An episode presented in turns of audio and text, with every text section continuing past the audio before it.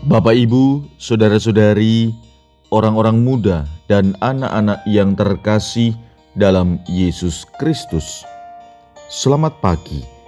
Salam bahagia dan salam seroja untuk kita semua. Berkah dalam. Bersama dengan saya, Romo Antonius Garbito Pambuaji, menyampaikan salam dan berkat Allah yang Maha Kuasa dalam nama Bapa dan Putra dan Roh Kudus. Amin.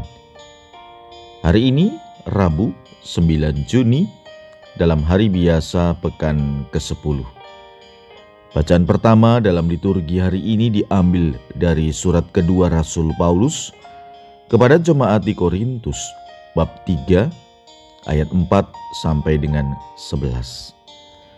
Bacaan Injil diambil dari Injil Matius bab 5 ayat 17 sampai dengan 19. Dalam khotbah di bukit, Yesus berkata, Janganlah kalian menyangka bahwa aku datang untuk meniadakan hukum Taurat atau kitab para nabi. Aku datang bukan untuk meniadakannya, melainkan untuk mengenapinya. Karena aku berkata kepadamu, sungguh, selama belum lenyap langit dan bumi ini, satu yota atau satu titik pun tidak akan ditiadakan dari hukum Taurat sebelum semuanya terjadi. Karena itu, siapa yang meniadakan salah satu perintah Taurat, sekalipun yang paling kecil, dan mengajarkannya demikian kepada orang lain, ia akan menduduki tempat yang paling rendah di dalam kerajaan sorga. Tetapi, siapa yang melakukan dan mengajarkan segala perintah Taurat, ia akan menduduki tempat yang tinggi di dalam kerajaan sorga. Demikianlah sabda Tuhan. Terpujilah Kristus.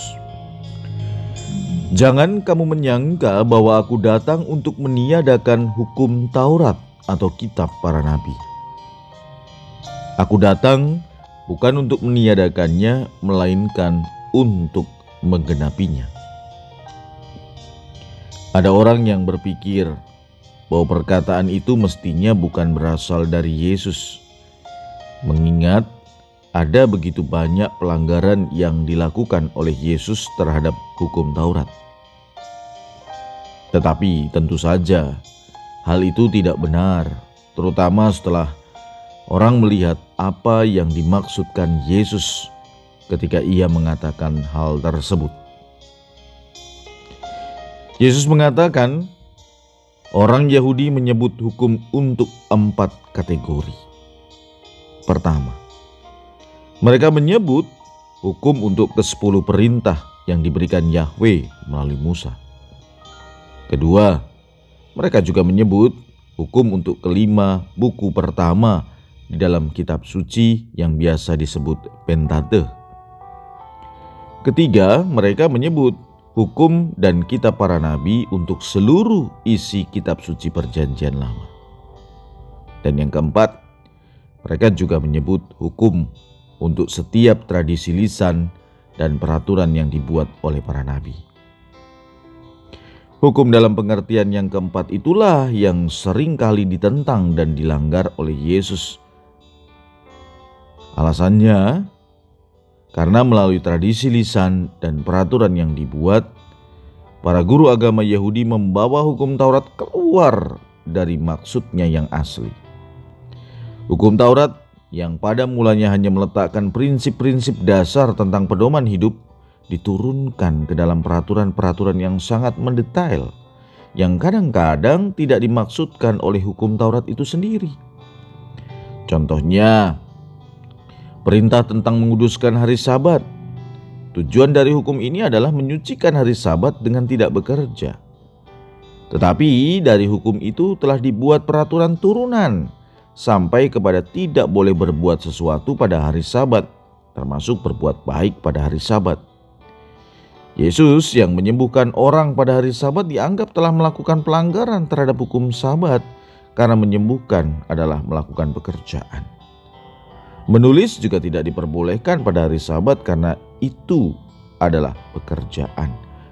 Dan banyak contoh lain lagi di mana prinsip-prinsip dasar itu telah diturunkan kepada peraturan-peraturan yang bahkan bertentangan dengan prinsip dasar hukum itu. Ketika dalam Injil hari ini Yesus mengatakan bahwa Dia datang untuk menyempurnakan hukum Taurat, maka yang dimaksudkannya adalah Dia datang untuk mengembalikan hukum Taurat kepada substansi atau intisarinya. Intisari hukum Taurat ada dalam kitab Ulangan dan kitab Imamat. Dalam Ulangan bab 6 ayat 45 misalnya dikatakan, Dengarlah hai orang Israel, Tuhan itu Allah kita, Tuhan itu Esa. Kasihlah Tuhan Allahmu dengan segenap jiwamu dan dengan segenap tenagamu.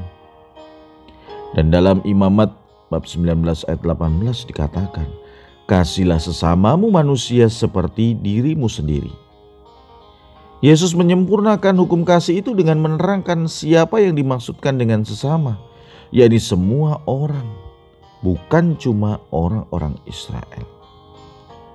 Saudara-saudari, melalui Injil hari ini Yesus ingin menunjukkan kepada kita cara menginterpretasi hukum secara tepat.